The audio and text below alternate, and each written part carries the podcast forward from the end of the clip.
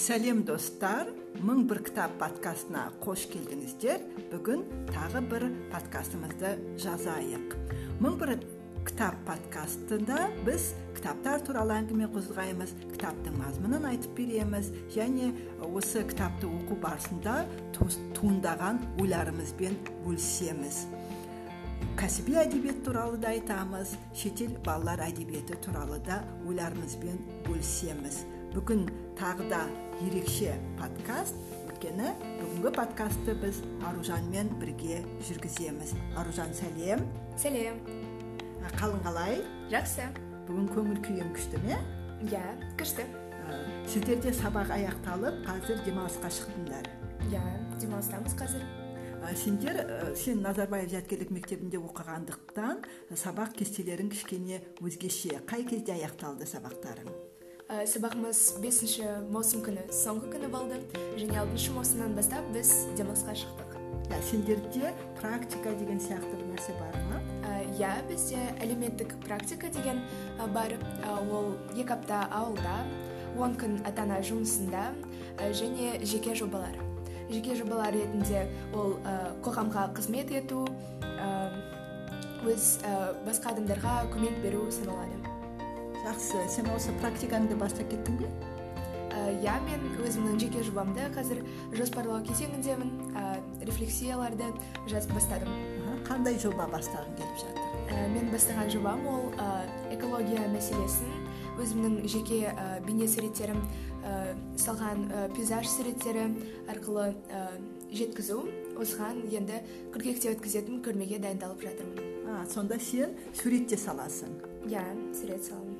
Сен көбінесе қарындашпен саласың ба жоқ майлы бояулармен саласың ба көбінесе мен майлы бояумен саламын өте жақсы онда қайтадан кітаптарға оралайық ә, бүгінгі шығарманы талдамас бұрын алдымен кітаптар туралы сөз қозғайықшы сен кітапты күнде оқисың ба иә күнде оқуға тырысамын жақсы енді кітапты оқитын кітапты қалай таңдайсың оқитын кітапты әр жолы мен әртүрлі таңдаймын.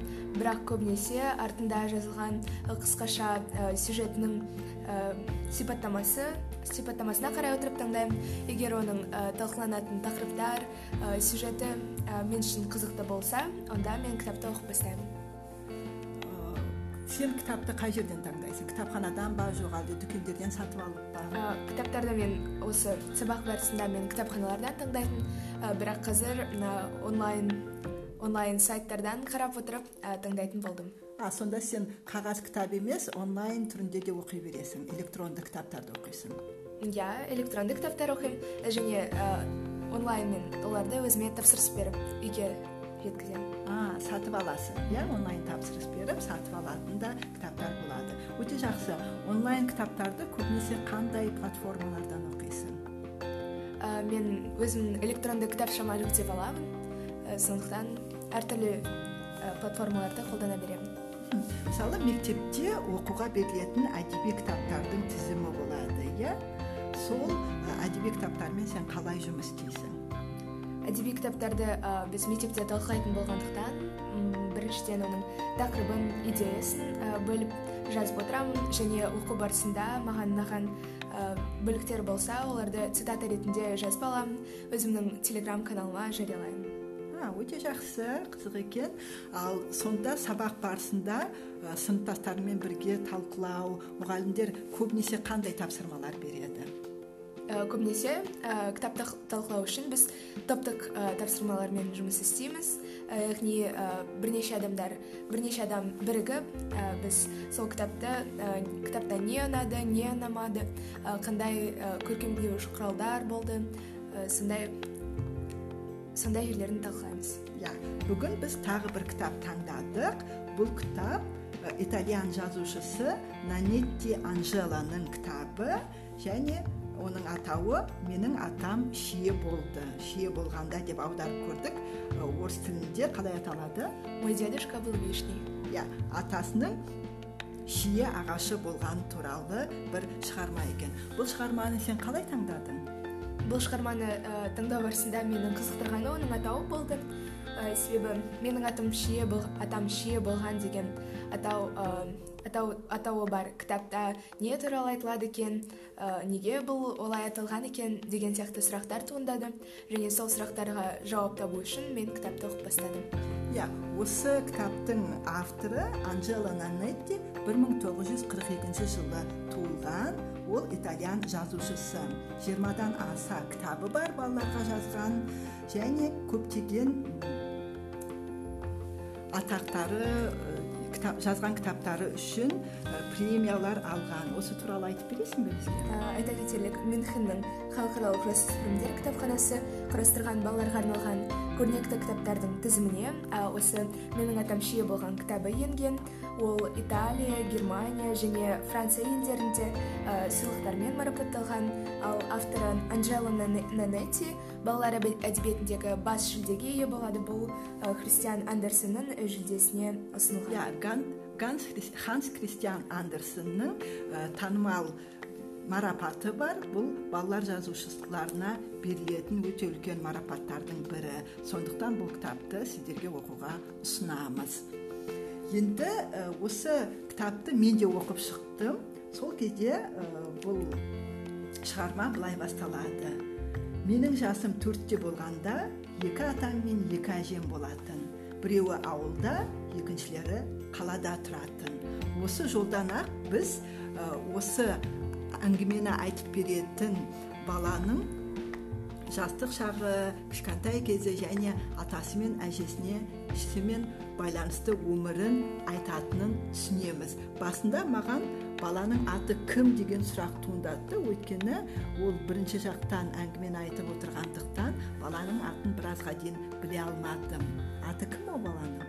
Ә, оның аты тонино. Болатын. Мен де басында оны бірінші жақтан айтылғандықтан бірден түсіне қойған жоқпын. Бірақ одан кейін оны атасы тонино деп атағандықтан осы баланың аты сондай екенін бірден түсіндім. Жақсы. Енді содан кейін ә, танина бізге ата әжелерінің аттарын айтып береді. Мысалы қалада тұратын атасының аты луиджи және әжесінің аты антониетта. Олар барлық қала тұрғындары сияқты еді деп сипаттайды. Ал ауылда тұратын ата әжесі ерекше еді. Олардың есімдері оттавиана және теодолинда. Олар ешкімге ұқсамайтын және тіпті өздерінің көршілеріне де ұқсамайтын деп сипаттайды. Ә, танина қалада үйде тұрғандықтан оның ата әжесі жоғарғы қабатта тұрады иә, иә. келесі қабатта. Сондықтан кем дегенде бір күнде оларды төрт рет көретін. Ал ауылда тұратын ата әжесін ол жиі көрмейтін. Өйткені олар қаладан 40 шақырым жердегі ауылда тұратын.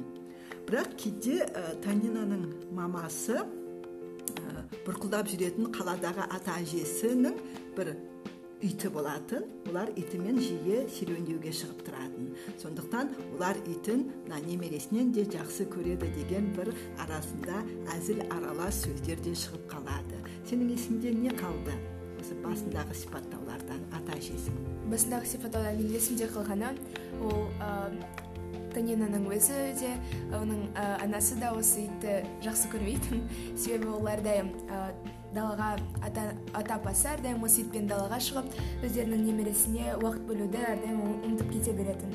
Және ол ит те басқа иттерге ұқсамайтын кәдімгі қаланың қаланың иті болатын. Иә бір жерде сипаттағанда анасы ауылда тұратын ата әжесін елес сияқты деп атайтын танина кішкентай болғандықтан ол көз алдына елестетіп оның қиялында ата әжесі ақ жамылғы жамылып алып тауық пен қаздарының арасында жүргенде елестететін. Ауылда тұрғандықтан ол кісілердің фермасы болады және тауықтары мен қаздары болады. Кейін бір қаз оның ең сүйікті қазына айналады. Иә? Иә.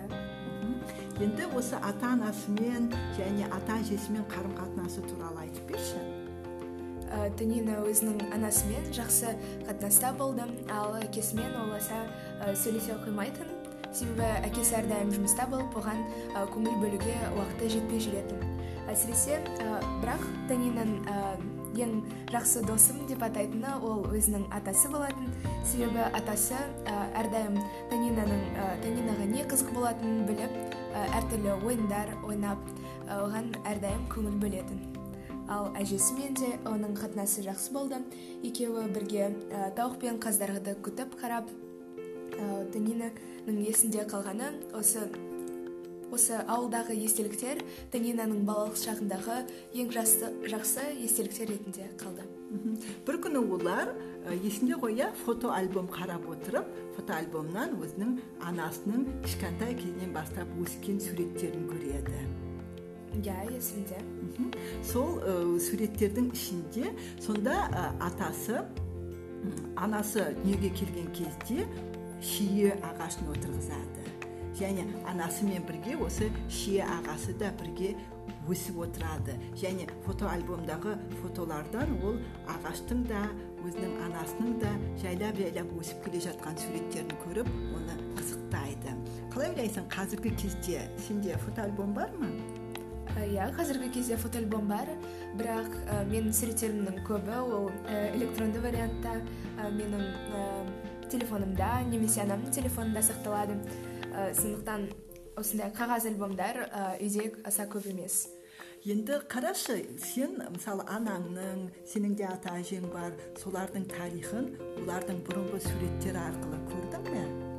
Иә біздің үйдегі отбасылық фотоальбомда менің анамның кішкентай кезіндегі суреттері бар.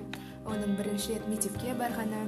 Ә, менің ойымша осындай қағаз фотоальбомдар ә, ол электронды онлайн форматта сақталған суреттерге қарағанда ә, көбірек әртүрлі эмоциялар ә, эмоциялар береді және осы суреттерге қарап отырып ә, сол уақытта не болып жатқанын сезінуге болатын сияқты. Оның анасының аты филиче болады иә? Филичита бақыт дегенді білдіреді филиче бақытты дегенді білдіреді. Жаңа қайтадан еске түсірсек атасы шие ағашын отырғызды дедік қой. Сол шие ағасына ағашына есім бергісі келеді де оны филиче деп атайды. Өйткені филичита деп атағысы келгенде оның анасы әжесі иә. Қарсы болады да сондықтан феличе яғни бақытты деген атау береді. Осының өзі бізге бір әдемі нәрсені көрсетіп тұрғандай иә? Шие ағашымен бірге өскен қызы да бақытты болып өсіп жатыр. Осы шие ағашымен байланысты оқиғалар есіңде қалды ма? Иә менің есімде қалғаны ол шие ағашын адамдар шие ағашын жұлып тастамақшы болған кезде оны ә, тонина деген оның немересі осы ши ағашын ә, атасы ретінде атасындай бағалап ә, оның үстіне шығып ә, күні бойы түспей отырады. Ә, осы мен мен үшін ә, күлкілі болған оқиғаның біреуі еді. Себебі ә, тонина тоң қалса да ә, тамақ жегісі келсе де егер түссе осы ағашты шауып тастайды деп ә, қорыққандықтан ә, түні бойы сол ағаштың үстінде отырады. Иә тыңдармандарға айтып өтейік өйткені басынан біз бүкіл мазмұнын рет ретімен айтып келе жатқан жоқпыз ғой. Бұл жерде мынадай мәселе болады.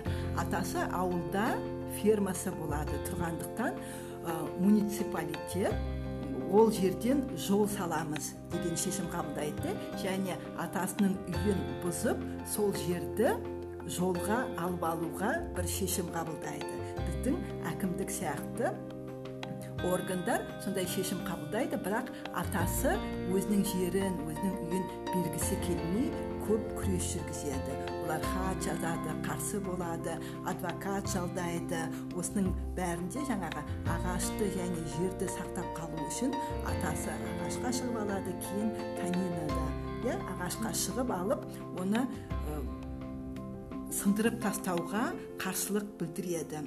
Бұл жерде бұған дейін түрлі оқиғалар болып жатады. Оның бірі ә, әжесінің қайтыс болуы.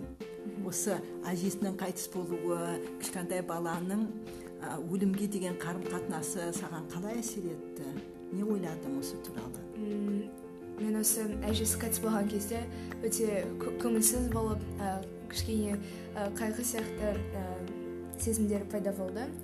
Ә, және ә, тонина бірақ ә, осы әжесінің теодолинда әжесінің қайтыс болғанынан аса ә, қайғырған жоқ. Себебі ә, атасы айтқандай ол ә, әрбір адам қайтыс болғаннан кейін өзі ұнайтын адамға ә, затқа немесе адамға құбылып шыға алады деген деп айтады.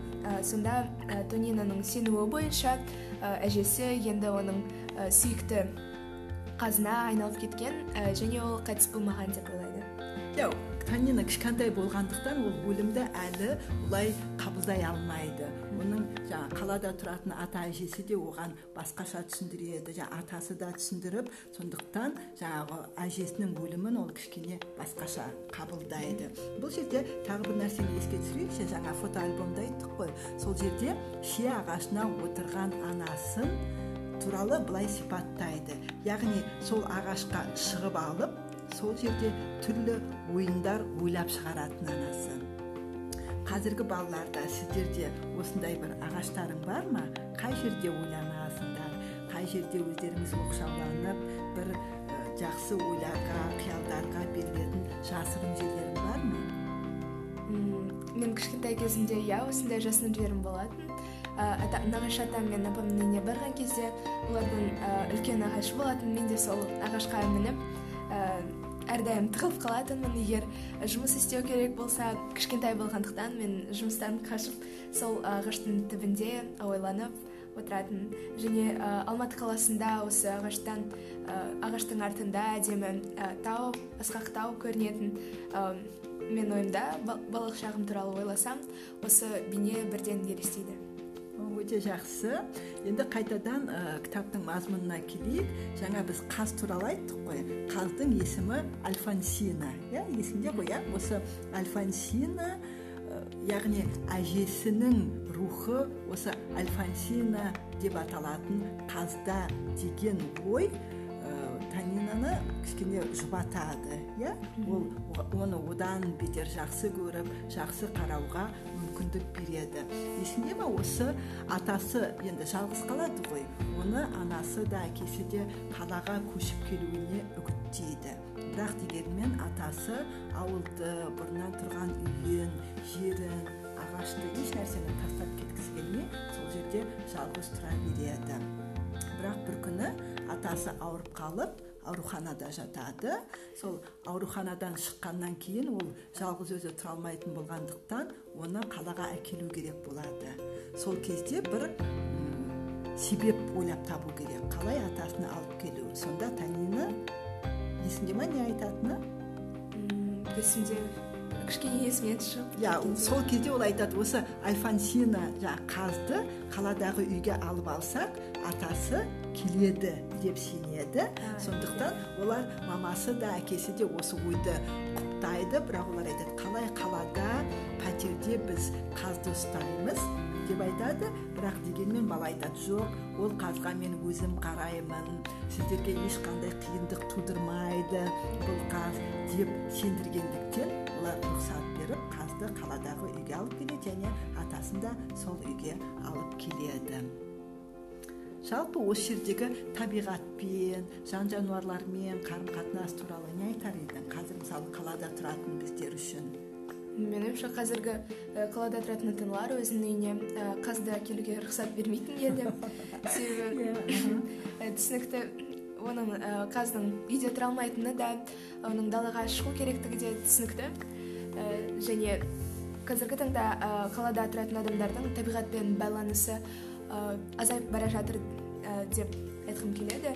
Себебі ауылда тұратын адамдар мысалы олар күнде басқа жануарлармен қарым қатынасқа түсіп әрдайым шөпті шөпті және ағаштар көп жерде тұрады ал бізде ол тек арнайы соларға мақсатталған саябақтарға ғана бара танинаның есіңде ма? Танина мен атасының қарым қатынасының жақсарған тағы бір кезі ол танинаны біраз уақытқа атасымен бірге тұруға жібереді. Иә есімде. Сен мысалы сөйтіп ата анаңнан бөлек барып ата әжеңмен бірге тұрар ма едің? Ол жерде естеріңізде болса танина әлі кішкентай. Мамасы біраз уайымдайды өйткені қалай атасы жалғыз балаға және фермасы бар жан жануарлары бар олардың бәріне бірге қалай қарап үлгереді жұмысын да істеуі керек деп уайымдайды. Бірақ дегенмен атасы айтады жоқ біз жақсы өмір сүреміз деп танина екеуі өте жақсы уақыт өткізеді әрине. Мен өзім кішкентай кезімде атам мен апамның қолында тұрмағандықтан осындай данина сияқты әрекетке келіспейтін едім деп ойлаймын. Барып тұрмас едің сен. Себебі қалалық өмірге үйреніп қалғандықтан ауылдағы өмірге қайта үйрену қиын деп ойлайсың иә? Бірақ танинаға бұл өте қатты ұнайды. Өйткені ол ағаштың басына шығып үйренеді жаңағы қазымен қатты достасады. Атасының күнде таңертең тұрып оған таңға ас дайындағаны бүкіл нәрселердің бәрі оған қатты ұнайды және әсер етеді. Оның атасын да жақсы көріп кейін жаңағы ағашқа шығып алып ши ағашына және ол ағашты шапқызбаудың барлық амалын жасау мінезінің қалыптасуы да осы атасымен бірге болған уақыттың әсері деп те айта алар едім. Бұл жерде түрлі қарым қатынасты жақсы көрсеткен иә бұл кітапта? Ата аналардың бір бірімен қарым қатынасы ата әжесімен қарым қатынасы баланың әке шешесімен қарым қатынасы және көп жерде баланың өз пікірі айтылады да бірақ мысалы бала неге жылап қалды неге бұртиды мысалы ол басқа нәрсеге бұртиғанымен ата анасы оны басқаша қабылдауы мүмкін. Ата анасының ұрысы мысалы бір бірімен келіспей қалуының бәрі осы кітапта бір қызық әдемі жеткізіледі де бір трагедияны көп көрмейміз дегенмен иә? Ол барлығы баланың бірінші бірінші жақтан айтылғандықтан барлығы баланың осы оқиғаларды қалай қабылдайтыны өте жақсы ашылады. Оған қоса бұл кітапта адамның жалғыз болуы жалғыз тұруы мысалы қасындағы мысалы әжесі қайтыс болғаннан кейін адамның көңіл күйінде болып жатқан әсерлер соның бәрі жақсы берілген. Бір кезде есінде ме анасы айтады әкесінің жүрегіне қадалған тікен ол тікенді қалай аламыз? Және бала басында түсінбей қалады. Ол шынымен жүрегіне тікен қадалып қалған екен ол оған қалай барды ол ана бір каштанды ішеді ғой. Сол кезде бір тікен қалып қалып соны жұтып қойды ма деген түрлі бір уайымға салынады. Бірақ кейін анасы оны түсіндірген кезде ол а бұл басқаша екен ғой оның астары бар екен ғой яғни атасында уайым қайғы шеше алмай жүрген бір мәселе бар. Ол оның жүрегін ауыртып жатыр екен ғой деген нәрселерді түсінеді.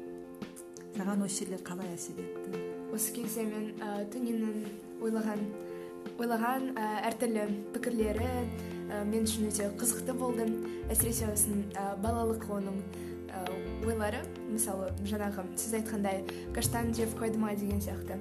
Ә, бірақ ол кейін осының барлығын астарлы мәнін түсінгенде өте ә,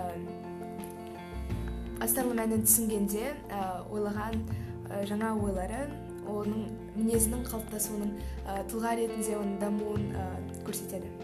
Жақсы. Егер біз қазір енді осыны қорытындылап ә, қысқаша мазмұнын айтып берсек осы шығарманың бір 10-15 сөйлеммен қалай айтып берер едің?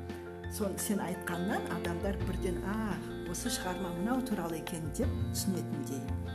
Бірінші бұл ә, танинаның өзінің балалық шағын баяндауы яғни өзінің қалай өмір сүріп жатқанын танина танинаның мысалы екі атасы екі апасымен өмір сүріп жатқанын және қалалық өмірін сипаттауы. Екіншіден ол оның ауылдағы өмірі атасымен қарым қатынасы атасымен қалай сөйлесетіні апасымен қалай қаздардың арасында жүретіні баяндалған. Және үшіншіден бұл оның қаладағы атасы мен апасының оған қалай қарайтыны оның итінің итіне қарайтындығы және баласына көңіл бөлмейтіндігі айтылған. Төртіншіден бұл оқиғалардың бір біріне шиеленісуі апасының қайтыс болуы және атасының қайғыруы. Бесіншіден атасының ауруға сырқатқа шалдығып қалаға қайтып келуі және ши ағашы туралы ә, күнде күнде ойлауы. Және мен ойымша осы шиеленістің шешімінің барлығы ол ә, яғни ә, экспозиция ретінде ол танинаның ағашты қорғап қалуы болады. Және осы жерде ә, мысалы оқиғаның басталуынан қандай тонина қандай мінезді болды. Және оқығанда аяқталғанда тонина мүлдем басқа адам ретінде бізге ашылады. Бұл жерде тағы бір айта кетейік ә, танинаның анасы жаңа әкесінен қалған жерді үйді қорғап қалу үшін әкесінен қалған естеліктерді шие ағашын қорғап қалу үшін олар ауылға көшіп барады. Жаңа фермаға көшіп барып сол фермада тұрады және жолдың дәл сол жермен өтпеуі үшін түрлі әрекеттерге барады хат жазады оларды сотқа шақырады шешімдерін өзгертеді. Және ең соңғы нәрсе ол танина иә олар үйдің қасынан өтеді деп бірақ экскаватормен келіп мына ағаш бізге кедергі жасап тұр ағашты біз алып тастаймыз деген кездегі танинаның іс әрекеті. Оған дейін естеріңізде болса осы ағаш туралы атасының айтқан бір сөзі бәріміздің есімізде жақсы сақталды. Менің есімде мысалы өте жақсы сақталып қалды. Сонда атасы айтады кәрі ағашты бір жерден алып екінші жерге отырғызса не болады? дейді. Ол өліп қалады дейді. Сол сияқты ол оны өзіне байланысты айтады. Мысалы өзі өмір бойы ауылда фермада тұрып жатқан кісіні алып қалаға көшіріп әкеліп қалада тұр десе ол не болады? Ол іш құса болады. Ол ауырып өліп қалуы мүмкін. Мысалы ол соны меңзеп айтады. Және жаңағы ағашты ана жерден алып басқа жерге отырғызуға мүмкін емес. Ол өліп қалады. Сондықтан онымен бірге естелік онымен бірге бүкіл бір өмір өліп қалады. Сондықтан бала да атасы да анасы да осы ағашты сақтап қалғылары келеді. Өйткені ол кішкентай кезінен бірге өсіп келе жатқан тарих бірге өсіп келе жатқан естелік. Егер ол жоқ болса бұрынғы өмірінің бәрі зая кеткен сияқты бос кеткен сияқты болып қалады. Сондықтан олар осы жақсы естелікті балалық шағын әке шешесін еске салатын нәрсені сақтап қалуға тырысады. Иә? Иә. Осы осы жерде октавиана атаның жүргізген параллелизмі менің де есімде қалды. Және ол маған зор әсер етті. Себебі шын мәнінде де егер бір орнығып қалған орнынан қартайған жасында адамдарды басқа жерге ауыстыратын болса ол өзін ішқұса сезінетіні анық. Жақсы. Сонымен бұл кітаптың ең соңы өте қуанышпен жақсылықпен аяқталады.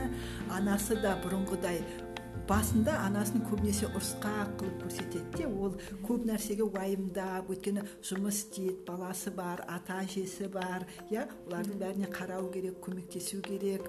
Сондай өте жұмысы көп әйел сондықтан өмірден қажып кейде көп ұрсып жүреді. Ал ауылға көшіп келгеннен кейін оның жүрегінде бір тыныштық болғандай. Анасы азырақ ұрсады деген сияқты нәрселерді сипаттап айтады танина. Сондай ә, балалық шақты сипаттайтын әдемі бір шығарма. Сен басқа балаларға бұны оқуға кеңес берер ме едің? Иә мен осы шығарманы кішкентай балаларға да ә, ересек балаларға да мен ә, ұсынар едім. Себебі ә, әсіресе, әсіресе ә, ата анасы оларды ауылға жіберетін атасымен апасымен тұратын балалар үшін менің ойымша бұл кітап қызықты болатын еді енді алдында да осындай сұрақты қойдық. Алдында алдыңғы подкастта осы кітапты басқаларға оқуы үшін қалай жарнамалар едің? Осы кітапты мен жарнамалайтын едім былай. Ә, кітап бұл кітап ә, естелік ретінде жазылған кітап. Және ә, сіздің ойыңызда ә, ол ә, әртүрлі жаңа ойлардың ә, пайда болуына себеп болады әсіресе ә, атаңыз бен апаңыз туралы ә, естеліктеріңіздің ә, қайта жаңғыруына ә, сіздің ә, атаңыз бен апаңызға деген қатынасыңыздың өзгеруіне әсер ететін кітап деп айтар едім сен сурет саласың. Осы кітапты қалай суретте көрсетер едің қалай сурет салар едің? Осы кітаптың ә, суретінде мен ең бірінші ә, феличе ши ағашын салатын едім. Себебі ол осы кітаптағы барлық кейіпкерлерді бірге ә, байланыстырып отырған бір ә, үлкен тамыр ретінде бейнелейтін едім. Және оның айналасында ә, басты кейіпкерлер ә, бірақ мен ә, қалада тұратын атасы мен апасын салмайтын едім. Себебі олар осы феличия ши ағашына әрдайым өзінің негативті қатынасын айтып отыр. Сен солай қабылдадың ба жоқ меніңше қалада тұратын ата әжесі де өте ақылды байсалды жақсы адамдар деп ойлаймын. Ол кішкентай кезде баланың қабылдауы ғой мысалы жаңағы итіне байланысты кейде ұнатпаулары ол сондай жаман адамдар деп ойламас едім.